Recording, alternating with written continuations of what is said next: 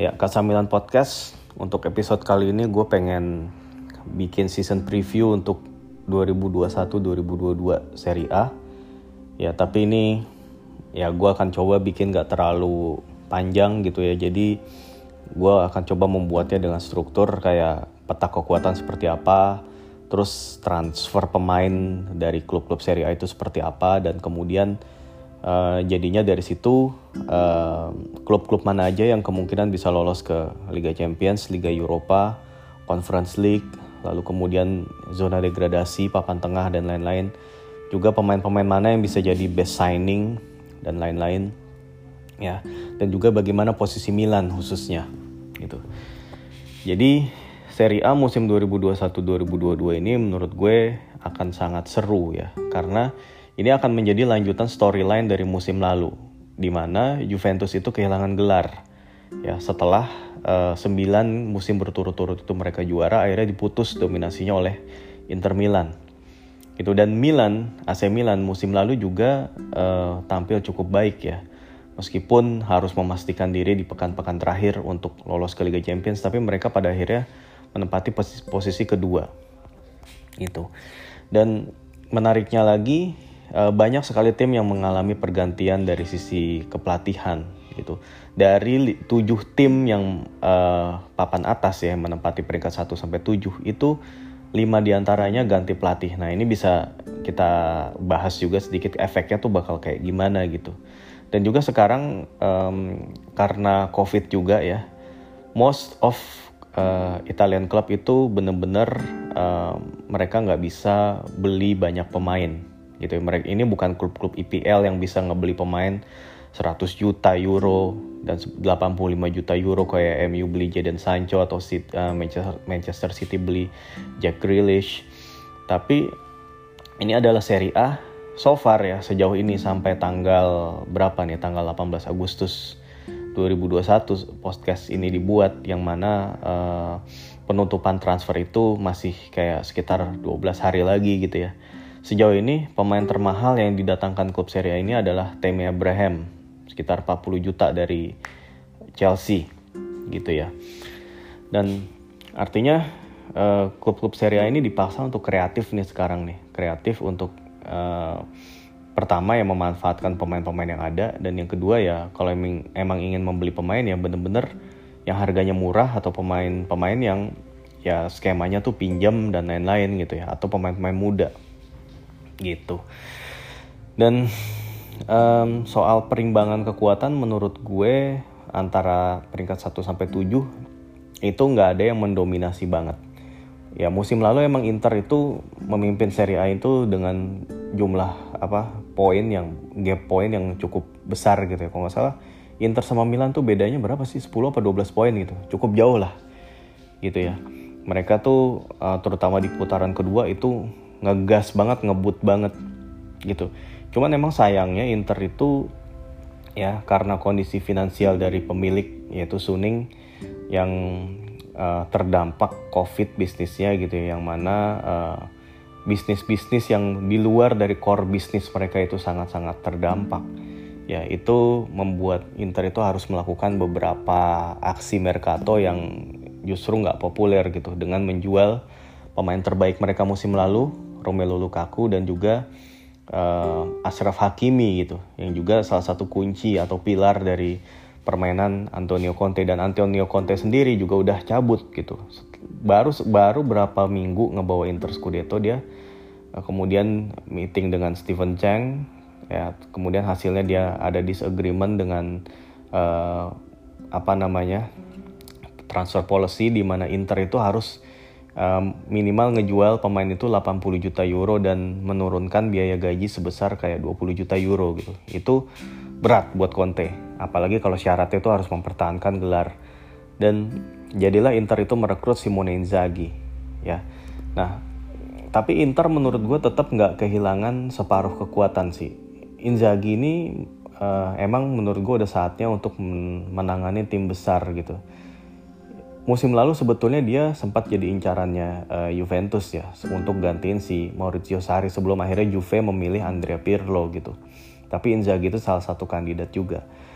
dan sekarang akhirnya dia ngedapetin kesempatan itu di Inter gitu ya dan Lazio itu kayaknya upset banget sama dia karena memilih untuk bergabung dengan Inter dan Inter itu juga nggak kehilangan seluruh uh, pemain-pemain terbaiknya di semua lini maksud gue lini belakang mereka masih solid masih ada The Vrij, Skriniar dan Bastoni itu trio back yang arguably the best di Italia sekarang itu di Serie A ya Nah, terus gelandang di posisi gelandang mereka juga masih diisi pemain-pemain yang terbaik juga. Ada Brozovic, ada Barella, dan kalau Stefano Sensi itu juga uh, fit, itu dia bakalan jadi uh, tambahan apa ya amunisi yang sangat berharga. Ada mereka mendatangkan Hakan Calhanoglu juga sebagai solusi dari Christian Eriksen yang nggak boleh main karena ada masalah kesehatan, ya. Um, belum lagi mungkin mereka akan merekrut lagi tambahan gelandang setelah kayak mereka ngelepas si Raja Nainggolan dan nanti mereka akan ngelepas si pemain seperti Vidal ya atau Vecino mungkin ya dan di di fullback pun mereka juga udah well cover di kiri tuh Perisic dan juga Federico Di Marco di kanan. Nah ini di kanan menarik. Ya selain masih ada Darmian juga ya itu mereka mendatangkan Denzel Dumfries. Itu yang uh, sangat potensial yang sangat bagus ya uh, di PSV Eindhoven. Dia juga kapten kalau gue nggak salah ya ya di usia yang masih muda dia udah jadi kapten itu menunjukkan leadershipnya dia terus di Euro 2020 kemarin dia juga, main bagus dan Inter itu ngedatangin dia dengan harga yang kalau nggak salah masih belasan juta euro gitu atau maksimal 20 juta euro yang mana ini bisa jadi bargain sih. Ini bisa jadi transfer yang bagus nih. Apalagi kalau si Dumfries ini adaptasinya mulus dan akhirnya jadi bintang bisa aja gitu ya. Walaupun kalau dari sisi karakteristik permainan nggak seperti Hakimi banget ya Dumfries ini bukan uh, pemain yang bisa yang jago crossing gitu ya. Tapi dia bisa nerobos, dia punya speed, dia punya power yang kemungkinan jadi ya dia bisa tetap jadi kunci serangan Inter dari sisi kanan ya. Belum lagi Edin Dzeko menurut gue. Edin Dzeko itu buat jadi penggantinya Lukaku ya nggak jelek juga. Ya kemarin Edin Dzeko itu waktu lawan Dinamo Kiev ya Inter menang 3-0. Ya dia nyetak satu gol yang menunjukkan speednya dia dan satu lagi uh, ketika gol yang dicetak oleh si siapa sih? Sensi? Eh bukan Sensi. Siapa lah lupa tuh yang gol pertama. Uh, dia itu uh, ngasih umpan back heel kepada Sensi dan Sensi kembali melakukan back heel lagi kepada uh, pemain yang akhirnya nyetak gol. Si Satriano apa kali ya? Ya pokoknya uh, Eden Dzeko itu ya musim lalu emang dia kurang bersinar tapi itu lebih karena faktor cedera dan masalah dengan pelatih Paulo Fonseca. Tapi kalau dia fit musim ini dan juga dia nggak ada masalah dengan pelatih ya menurut gue Edin Dzeko itu at some point ya walaupun dia tuh bukan hmm, karakternya beda sama Lukaku. Kalau Lukaku itu punya lebih punya speed dan juga power. Tapi kalau Edin Dzeko ini lebih punya skill dan dia bisa nyetak gol dari berbagai angle. Dia bisa jago, memutar badan punya tendangan keras punya mental bagus. Jadi menurut gue Edin Dzeko kalau sebagai pengganti Lukaku apalagi murah harganya gitu ya ini juga bisa jadi pergerakan yang bagus. Jadi Inter nggak bisa diremehin juga. Apalagi ya mereka masih ngincer beberapa pemain untuk mungkin posisi tengah dan depan juga gitu. Jadi ya Inter tetap menurut gue bisa tetap uh, paling enggak ya. Walaupun kalau untuk bersaing Scudetto ini lebih berat ya tapi untuk empat besar mereka gue rasa masih bisa gitu ya. Terus yang patut diwaspadai lagi tentu Roma. Roma dengan geliat transfernya ini ya di bawah Jose Mourinho itu dia mendatangkan uh, tiga pemain yang punya kualitas itu. Empat malah ya tadi setelah Tammy Abraham dibahas itu mereka ngedatengin sebelumnya Eldor eh, Shomurodov artinya untuk lini depan uh, walaupun Edin Dzeko itu keluar itu masih mereka well cover mereka masih punya Shomurodov mereka punya Henrik Mkhitaryan mereka masih punya Borka Mayoral ada Tammy Abraham dan uh, jangan lupa Nicolo Zaniolo itu udah pulih gitu ya. Jadi bisa jadi dia explode nih musim ini. Nicolo Zaniolo itu. Ya. Dan kiper mereka juga udah memperbaiki ya uh, si Paul Lopez kan nggak terlalu konsisten mainnya tapi sekarang mereka punya kiper berpengalaman di Rui Patricio. Jadi uh, menurut gue Roma uh, cukup bahaya juga nih. Tapi ya namanya juga Jose Mourinho ya gue juga sebetulnya agak-agak ragu gitu.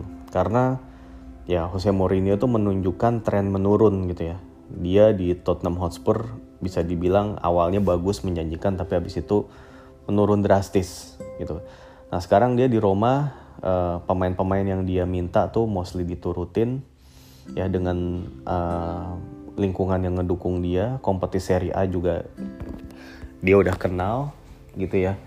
Ya ini bisa jadi Mourinho itu akan termotivasi untuk ngebuktiin bahwa apa ya dia masih ada gitu bahwa pendapat bahwa pendapat bahwa orang-orang atau pundit-pundit bahwa dia udah habis itu dia bisa bantah. Nah ini bisa jadi bahaya menurut gue gitu Roma. Tapi bisa juga sebaliknya malah jadi fail gitu ya. Jadi bisa jadi awalnya menjanjikan terus kemudian fail gitu di tengah-tengah musim atau gimana. Tapi menurut gue Jose Mourinho tuh hampir selalu sering bagus sih di musim pertamanya dia gitu. Jadi bahayalah Roma menurut gue nih. Terus Uh, selain itu Juventus tentu aja ya dengan dia mendatangkan kembali Mar uh, Massimiliano Allegri dia kayak mengembalikan lagi ketenangan. Maksudnya ya apa ya di dressing room itu dia udah pegang kendali gitu si Allegri terhadap pemain-pemain. Walaupun sempat ada masalah sama Bonucci waktu itu dan lain-lain. Tapi ya itu ya dalam dunia sepak bola profesional ya kemarin lu bisa musuhan sekarang lu bisa temenan. Lu lihat Messi dan Sergio Ramos dan lain-lain. Jadi um, ya selama mereka ya mereka kan profesional ya. Mereka sama-sama dibayar dan dibayar gede. Ya semua itu pasti di, bisa dikesempa, uh, dikesampingkan. Dan Juventus juga baru ngedatengin si Manuel Locatelli ya. Uh, walaupun belum uh, resmi ya tapi udah dan deal katanya. Udah tinggal kayak nunggu. Ya emang ini bisa jadi sang, uh, reinforcement yang sangat dibutuhin oleh uh, lini tengah Juventus yang musim lalu itu termasuk kocar kacir gitu ya. Jadi kalau Juve itu bisa datengin Locatelli, apalagi misalnya Miralem Pjanic itu comeback, ya itu lini tengah Juve udah bisa bagus lagi gitu. Karena dari semua lini gitu ya, cuman lini tengah yang emang perlu perbaikan dan mereka udah melakukan sesuatu gitu. Seandainya mereka bisa jual si Aaron Ramsey, ya mereka bisa datengin Pjanic, itu bakalan ngeri sih di lini belakang ya kekuatan nggak masih nggak eh, nggak uh, berubah gitu ya. Walaupun mereka ngejual si Demiral gitu ke Atalanta gitu ya. Tapi mereka ya tetap Bonucci dan ini masih bisa diandelin belum lagi ada Ligt. Terus kemudian juga masih ada siapa? Uh, Danilo Cuadrado dan juga Sandro. Siapa lagi? Um, Luca Pellegrini itu masih bisa banget diandelin. Dan lini depan mereka ngeri banget sih Kiesa tuh kayaknya makin bagus, bakalan jadi makin bagus. Di Bala juga kalau Allegri mau jadiin dia pusat permainan itu bagus ya. Morata kalau nggak salah masih perpanjang ya, masih dibeli lagi ya. Kalau masih ada Morata juga ada alternatif. Kalaupun enggak, itu udah ada kayak Jorge yang bersiap gitu ya. Dia ya sempat mau dibeli Milan tapi akhirnya dia uh, milih Juventus karena Juventus berani bayar mahal agennya dia. Dan tentunya ya Cristiano Ronaldo lah ya yang dia tuh kayak bisa guarantee 20 sampai 25 gol per musim yaitu agak sulit untuk mengabaikan mereka gitu. Tetap dan untuk saat ini gue rasa Juventus tuh kandidat terdepan juara gitu setidaknya. Atau paling sial mereka peringkat dua lah gitu. Tadi gue sebut Juve Roma nah terus kemudian Atalanta nih Nah, Atalanta ini termasuk yang paling stabil. Ya, mereka masih ada Gasperini dan kemarin Gasperini juga reconcile hubungannya dengan Josip Ilicic sehingga Ilicic juga nggak jadi ke Milan. Ya, terus um, kalau Atalanta itu masih uh, bisa mempertahankan Dufan Zapata ya, Zapata artinya nggak diincar oleh Inter gitu, nggak jadi dibeli Inter misalnya itu mereka akan tetap kompetitif dan mereka bahkan bisa nih bersaing Scudetto menurut gue udah saatnya ya jadi setelah tiga musim terakhir ini mereka selalu lolos ke Liga Champions gitu ya, dua atau tiga musim lah ya.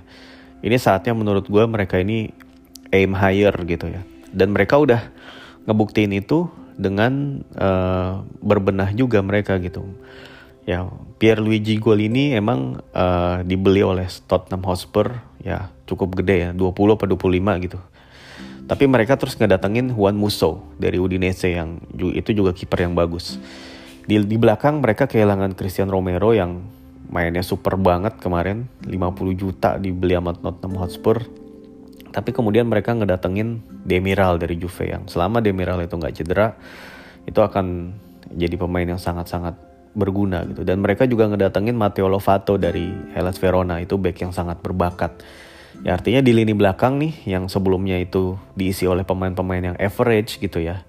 Ya kayak cuman Palomino, Jim City gitu ya. Tapi sekarang udah ada nama-nama kayak Demiral dan juga Lovato gitu. Artinya ini udah reinforcement yang mereka butuhin. Apalagi kalau Robin Gosen juga bertahan misalnya nggak ada yang nggak ada yang bisa beli Robin Gosen ya artinya dari sisi full apa wingback mereka masih aman juga ada Gosen dan juga Hatebur gitu dan Joachim Mele juga semakin meningkat. Nah, untuk melapis uh, Martin Deron, ya gua rasa mereka harus beli si pemain karena Deron itu kalau nggak salah pas pertandingan terakhir itu ribut sama pemain Milan itu kan dia di skors 3 atau 4 pertandingan gitu. Jadi Atalanta gua rasa harus mereka harus beli gelandang bertahan baru dan katanya mereka ngincar Situn Copa Miners tapi gua nggak tahu jadi atau enggak kalau mereka bisa datangin sosok defensive midfielder yang bagus untuk melapis Martin Deron, gue rasa ini ya mereka akan tetap tetap jago. Apalagi di lini serang pemain kayak Mirancuk dan juga Ilicic masih ada. Terus uh, Ruslan Malinovski ini tuh masih akan tetap jago lah musim depan. Apalagi kalau Zapata masih stay dan Luis Muriel juga masih stay. Ya menurut gue nggak ada alasan untuk write off Atalanta gitu ya. Gitu. Nah terus Um, kemudian uh, tim-tim lain ya. Napoli di bawah uh, Spalletti. Nah, menurut gue Spalletti ini udah teruji banget bisa ngebawa timnya itu setidaknya lolos ke Liga Champions. Inter itu bangkit berkat Spalletti selama beberapa musim beruntun tuh um, ngebawa ke Liga Champions terus gitu ya. Dan Spalletti juga terkenal jago dalam mengoptimalkan striker-striker mereka. Ya Napoli bisa jadi dengan Victor Osimen ya yang mereka beli mahal. Ya bisa jadi Osimen juga akan bersinar di bawah Spalletti. Tapi emang mereka ada ini juga sih masih ada keraguan terkait si Lorenzo Insigne yang kontraknya berakhir uh, tahun depan kalau nggak salah ya dan nggak Sims nggak mau perpanjang Insigne-nya. Kalau Lorenzo Insigne itu dijual ya itu ya kekuatan Napoli itu bakal berkurang cukup jauh gitu ya. Ya karena Insigne itu key playernya mereka. Yaitu key player tetap Lorenzo Insigne. Ya tapi setidaknya mereka masih punya pemain-pemain bagus yang lain. Masih ada Lozano masih ada bahkan Lionel Politano ya Matteo Politano. Terus masih ada si Mertens ya. Uh, dan gelandang-gelandangnya juga masih lengkap. Kayak Zelinski masih ada. Terus Fabian Ruiz masih ada di situ di belakang juga masih ada si siapa Kulibali sama uh, Manolas gitu Artinya kekuatan mereka juga nggak akan uh, berpengaruh signifikan. Kecuali kalau insinya cabut gitu ya tiba-tiba. Nah ini bisa baru deh mereka tuh bisa uh, bahaya kalau insinya itu cabut gitu. Tapi kalau insinya masih stay dan apalagi mau perpanjang, ya menurut gue Napoli tetap bisa jadi kandidat. Nah Lazio dengan Sari ya menurut gue uh, ya Sari jelas pelatih bagus yang punya sistem permainan yang sangat khas Sari ball gitu. Tapi untuk bisa mengimplement itu emang gak gampang paling gak ya. Gue rasa kalau emang uh, Lazio itu mau jadi tim yang bersaing papan atas itu nggak akan gue rasa nggak terjadi musim ini gitu. Karena ya butuh adaptasi aja gitu. Juve aja waktu ditangani Maurizio Sarri itu berbulan-bulan itu masih. Bahkan sampai selesainya Sari itu belum belum kena banget itu sama Sari Ball gitu. Nah Lazio gue juga nggak tahu ya, tapi setidaknya kalau dari uh, sisi susunan pemain mereka nggak banyak berubah gitu. Ya itu uh, belakang masih sama, masih ada ACRB, masih ada Luis Felipe dan lain-lain. Terus um, mereka masih punya Lazzari, masih punya siapa? Um, gelandang-gelandangnya masih ada Milinkovic Savic, Lukas Leiva dan juga um, siapa namanya Luis Alberto masih ada. Terus mereka baru ngedatengin lagi si Felipe Anderson ya. Terus masih ada Immobile. Nah selama selama itu pemain-pemain itu masih ada ya terutama Joaquin Korea itu masih tetap stay nggak dijual gitu. Gue rasa Lazio juga masih bisa setidaknya di papan atas masih bisa bersaing lah. Gitu. Nah terus gimana dengan Milan gitu di papan atas? Nah menurut gue ya kalau at this moment ya at this point gitu ya di mana Milan itu belum ngedatengin uh, gelandang serang ya pengganti Calhanoglu ya gue uh, selama kondisi skuadnya masih seperti ini gue nggak yakin untuk saat ini ya saat ini Milan bisa lolos ke Liga Champions kalau kondisi skuadnya saat ini. Gue mungkin beda pendapat sama teman-teman nggak apa-apa. Tapi kalau misalnya Milan bisa ngedatengin gelandang serang ataupun pemain sayap kanan yang juga berkualitas. Ya satu di antara dua pemain yang bisa datang ya itu baru ada peluang. Ya tapi itu pun gue rasa uh, agak sulit menurut gue buat Milan itu mengulang uh, prestasi musim lalu kedua ya. Milan kedua musim lalu pun tanpa bermaksud mengecilkan ya. Itu selisih poinnya jauh dengan Inter gitu ya. Untuk bisa mengulang lagi di posisi kedua, Milan ini harus saingan sama Inter dan juga menurut gue Atalanta dan Roma. Ya tiga tim ini akan jadi pesaing. Sementara Juventus gue rasa dengan Allegri uh, itu ya apalagi kalau mereka bisa ngedatengin lagi gelandang gitu atau atau fullback gitu ya. Itu gue rasa Juve akan semakin kuat gitu. Tapi um, untuk uh, Milan gue rasa. Kalau misal bisa ngedatengin pemain nomor 10 berkualitas gitu antara Isco ataupun siapa dari klub-klub besar katanya kan. Uh, kalau dari klunya si Di Marzio. Itu kan ya Isco atau Coutinho atau Hakim Ziyech ya. Kalau satu aja bisa didateng, didatengin atau Vlasic lah gitu Nikola Vlasic. Itu menurut gue Milan bisa lah. Untuk tiga besar juga Milan masih bisa ya at some point bersaing Scudetto juga mungkin bisa. Jadi tergantung si pemain nomor 10 dan apakah ada reinforcement di sisi kanan gitu. Tergantung di situ sama di posisi gelandang juga nih ya. Karena uh, dan Benacer ini harus ke Piala Afrika tahun uh, apa Januari tahun depan yang mana mereka bisa absen dalam tiga atau empat pertandingan yang penting ya lawan Inter, Juve dan Roma. Kalau apa kalau itu terjadi gitu ya Nah itu menurut gue ngeri aja kalau Milan cuma ngandelin si Tonali dan juga si Kronik gitu ya. Jadi Milan tuh harus wajib beli gelandang baru. Nah kalau gelandang barunya ini bisa uh, yang dibeli ini bagus dan bisa langsung adaptasi, menurut gue nggak masalah. Tapi masalahnya kalau ternyata Milan gak beli siapa-siapa, cuman ngandelin Tonali, Pobega dan juga Kronik gitu. Lalu kemudian ah, di uh, papan tengah gue rasa masih sama ya. Di bawahnya tapi di bawahnya tujuh besar ini gue ngeliat Fiorentina punya peluang besar untuk nyodok. Vincenzo Italiano itu um, apa pelatih yang sangat bagus. Kemarin di Spezia uh, dia memainkan sepak bola yang atraktif. Nah Fiorentina dengan skuad yang lebih baik gue rasa Italiano ini bisa ngebawa Fiorentina itu dari, lebih baik dari musim lalu gitu ya. Walaupun mereka kehilangan si Frank Ribery, mereka baru ngebeli uh, Nicolas Gonzalez dari Stuttgart. Itu juga pemain winger atau striker yang masih muda juga, yang bisa jadi potensial. Dan apalagi kalau mereka bisa ngekip si Dusan Vlahovic ya, dia mereka bisa keep, ya mereka bisa stay di uh, top half gitu. Tapi kalau mereka ngejual Vlahovic ya akan turun lagi sih gue rasa. Itu. Nah, terus kemudian untuk posisi apa ya papan tengah lainnya ya ya top half lah ya. Itu gue rasa Sassuolo itu akan kesulitan. Mereka kehilangan Bezerbi terutama. Mereka juga bakal kehilangan Locatelli ya. Dan kalau mereka juga kehilangan Berardi itu bakalan mereka akan kelempar dari 10 besar gue rasa. Ya terus untuk eh, papan tengah yang lain gue rasa yang berpeluang nyodok juga itu ya tim-tim kayak itulah direbutin sama Bolonya, Sampdoria, Torino gitu ya. Torino itu Ivan Juric pelatih bagus juga, tapi emang nggak ada reinforcement berarti di kubu Torino.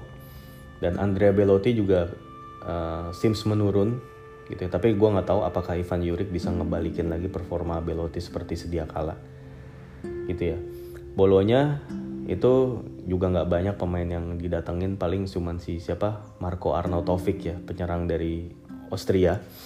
Itu lumayan lah Arnautovic. Tapi kemarin mereka kalah ya kalau gue salah. Kalah di Coppa Italia. Lawan Ternana apa kalau nggak salah mereka kalah. Itu nggak meyakinkan sih. Gitu.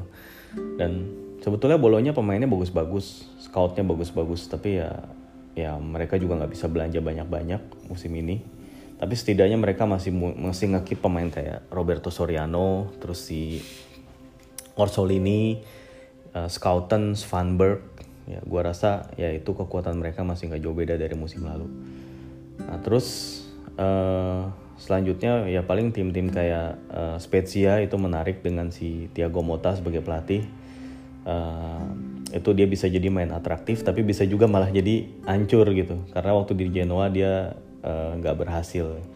Nah Genoa sendiri seperti biasa mereka kan trading club ya. Itu uh, Lord ya Christian Zapata tapi akhirnya dia dilepas balik lagi dia mudik ke ke, ke Amerika Latin. Kalau nggak salah dibeli sama salah satu klub Argentina lupa siapa. Terus Genoa ngedatengin Salvatore Sirigu ya. Terus uh, lini belakang masih nggak terlalu jauh beda. Si Zapata doang pergi gue lupa siapa gantinya. Terus ya uh, paling kalau Genoa itu lini depannya yang agak-agak berkurang kekuatannya. Karena duet musim lalu si Skamaka dan juga si uh, siapa? Shomurodov ya penyerang Genoa itu semua pada pergi. Yang sisa tinggal Mattia Destro doang gitu Mattia Destro doang. Tapi itu pun Destro gue nggak yakin bisa ngelanjutin performa gemilangnya musim lalu. Gitu jadi Genoa itu bottom half lah ya. Sampdoria juga sama Sampdoria juga dengan uh, mereka kehilangan sosok Ranieri pasti tapi mereka masih punya beberapa pemain berkualitas yang akan yang akan nolong banyak sih gue rasa ya. Seperti si Quagliarella, Gabbiadini, uh, siapa Torre Grossa dan juga Mikel Damsgaard ya juga gelandang-gelandang lainnya seperti Torsby ya Kandreva itu masih bisa lah untuk setidaknya ngekip uh, Sampdoria itu di papan tengah gitu. Nah terus yang kemungkinan bakal turun posisinya sih kayak Udinese gue rasa bakal turun. Jelas-jelas mereka sangat tergantung sama Rodrigo De Paul dalam mencetak gol dan memberikan assist. Sekarang De Paul udah dijual. Ya belum lagi Juan Musso juga dijual ya walaupun mereka ngedatengin si Daniel Padeli ya sama ada pemain muda berbakat namanya Lazar Samardzic dari RB Leipzig. Tapi ya Samardzic itu masih 19 tahun apa? Lu nggak bisa expect banyak lah dari pemain berusia uh, eh, 19 tahun untuk langsung jadi playmaker di tim lu gitu ya. Jadi Udinese menurut gue bisa juga terancam degradasi gue rasa. Tapi ya selama mereka masih punya pertahanan yang solid seperti halnya strategi musim lalu kan ya si Luka Gotti itu kan ya pakai pertahanan solid aja 5 back gitu kalau perlu. Ya cuman ya itu tadi kualitas individu agak-agak menurun gitu ya. Lalu bagaimana dengan tim-tim promosi? Nah tim promosi ini menurut gue uh, ya bisa jadi mereka akan degradasi lagi sih. Ada kemungkinan ya karena Eh, tim-tim uh, kayak si siapa? Salernitana terus si Venezia dan Empoli. Mereka tuh kalau dari bursa transfer nggak terlalu banyak bergerak kalau gue perhatiin. Paling si Empoli aja dia beli si apa minjem bukan beli minjem si Patrick Cutrone. Ya, tapi Cutrone juga ya belum tentu gacor lah di Serie A. Terus uh, siapa lagi?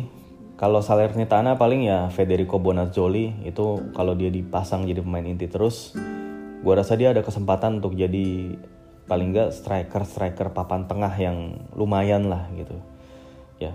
Terus uh, siapa? Venezia itu paling ya mereka yang menarik itu beli pemain kayak uh, Arni Sigurdsson ada Mattia Caldara juga dipinjam sama Venezia dari Milan gitu ya. Ya tapi gue rasa peluang mereka untuk stay di Serie A cukup ya nggak ya cukup nggak nggak gede lah gitu. Harus realistisnya gitu nah terus Hellas Verona juga ditinggal Ivan Juric. Itu gua rasa eh, apa namanya itu mereka kekuatan mereka juga berkurang. Kiper Marco Silvestri juga dijual ke Udinese buat gantiin Juan Musso. Gantinya si siapa si Verona ini beli si apa minjem minjem bukan beli minjem si Lorenzo Montipo dari Benevento. Itu kiper yang cukup bagus sih sebenarnya. Jadi kekuatan Verona itu nggak akan berubah banyak sih kecuali ya si Silvestri dan oh ya Lovato Matteo Lovato juga pindah ke Atalanta ya pemain-pemain yang datang pun juga nggak banyak ya mereka mempermanenkan si Antonin Barak dari Udinese dan juga si siapa namanya uh, Ivan Ilik dari Manchester City ya sisanya setidaknya mereka masih punya Matias Zakanyi. Kalau Zakanyi stay, ya setidaknya mereka dalam dari sisi ofensif masih cukup aman. Zakanyi dan juga Barak itu pemain-pemain yang cukup bagus dan bisa nyetak gol. Belum lagi ya mereka emang kehilangan si Di Marco sih, tapi mereka masih punya si Lazovic juga. Artinya ya masih oke okay lah mereka masih punya Veloso dan juga Adrian Tameze itu masih oke okay lah mereka masih bisa stay di Serie A dengan komposisi itu. Yang juga menurut gue agak-agak ini mengkhawatirkan ya Kaliari juga sih. Kaliari nggak jadi ngedatengin si Raja Nainggolan. Artinya ya kekuatan mereka berkurang gitu. Tapi selama si pemain kayak Pavoletti, uh, si Joao Pedro ataupun si Rasvan Marin itu juga masih main bagus ya. Terus Nandes juga misalnya stay gitu itu mereka juga masih bisa sebetulnya stay di apa namanya di Serie A gitu terus uh, ya ya gue rasa sih itu aja kali ya kalau dari prediksi dan juga peta kekuatan. Nah kalau dari signing tadi yang sempat gue bahas gue rasa uh, dari sisi dari Milan Olivier Giroud bakal jadi salah satu good signing juga buat Milan. Dia akan banyak berguna. Ya dia akan gua rasa dia akan cetak berapa gol. Gua nggak tahu dia bisa nyetak lebih dari 10 gol atau enggak tapi bisa lah kayak 8 9 gol mungkin dia masih bisa dan itu udah bagus kalau dia udah bisa kayak gitu. Nah terus Brahim Diaz gua rasa dengan dia lebih banyak dipercaya misalnya dia banyak dipercaya gua rasa Brahim Diaz juga akan main, bagus di Milan. Begitu juga pemain kayak Tomori gitu ya itu akan bagus juga gitu ya.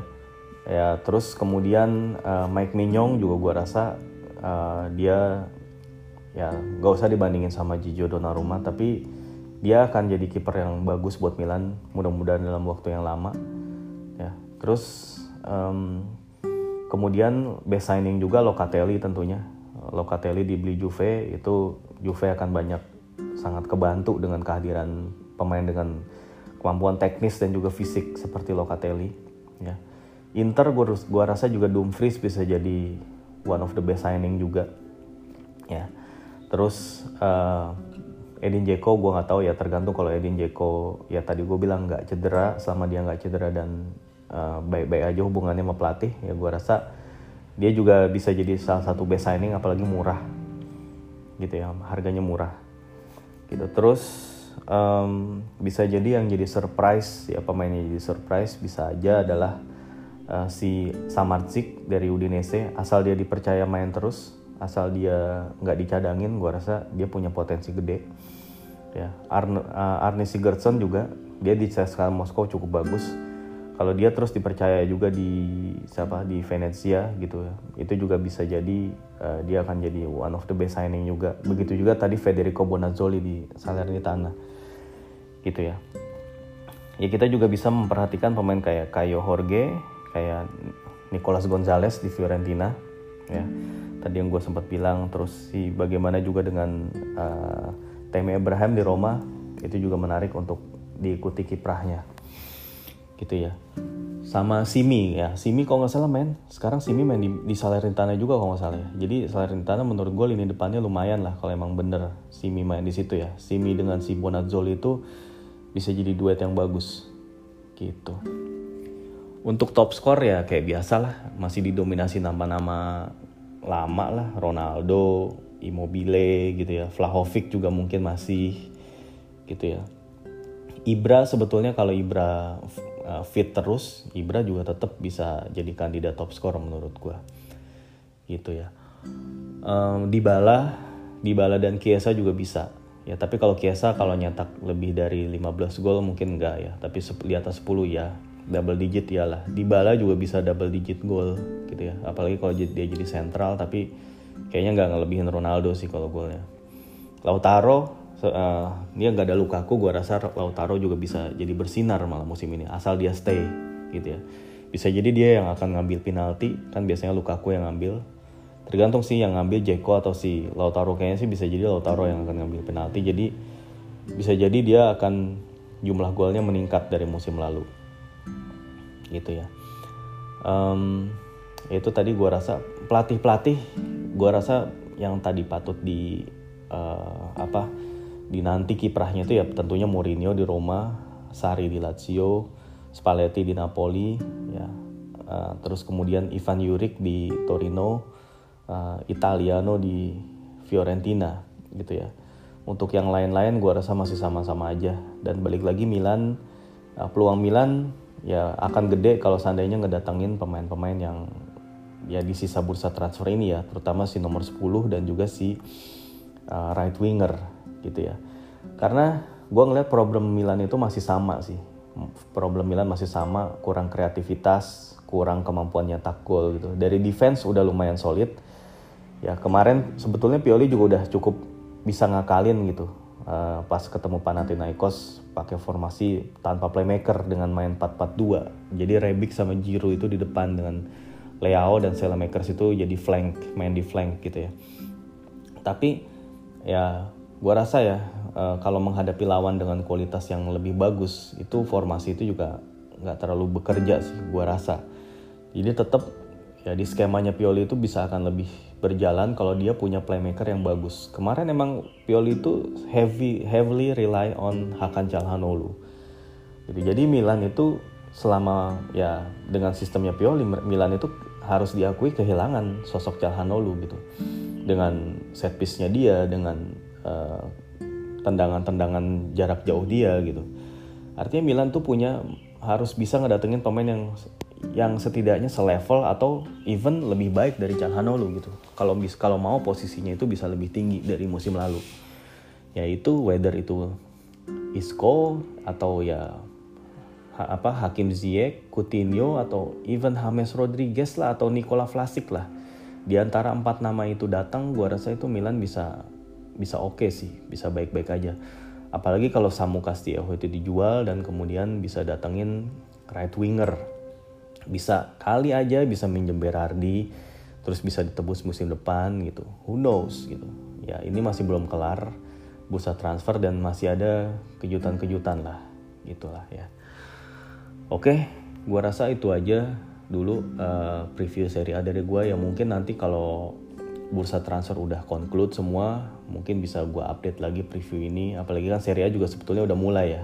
Udah uh, weekend ini Serie A udah mulai dan Milan ketemu Sampdoria di Luigi Ferraris. Ya, ini bukan uh, pertandingan yang mudah walaupun musim lalu di Ferraris uh, Milan menang ya. Gue lupa 2-0 apa 2-1, 1-2 ya kalau nggak salah skornya.